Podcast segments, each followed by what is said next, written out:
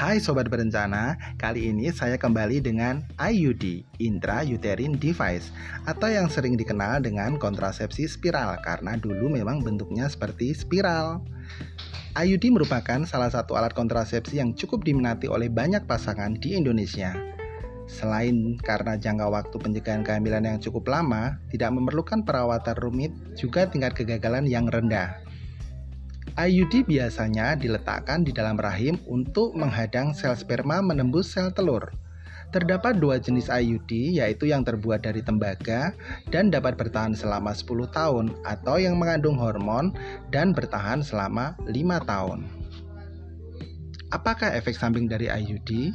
Yang pertama adalah kram perut atau rasa sakit pada bagian bawah perut. Yang kedua, pendarahan yang cukup banyak saat menstruasi atau bahkan menstruasi tidak teratur. Yang ketiga, dapat lepas atau bergeser. Jika lepas, biasanya akan keluar bersama darah haid. Yang terakhir, dapat terjadi infeksi jika tubuh menolak keberadaan IUD. Demikian informasi yang bisa saya sampaikan tentang IUD.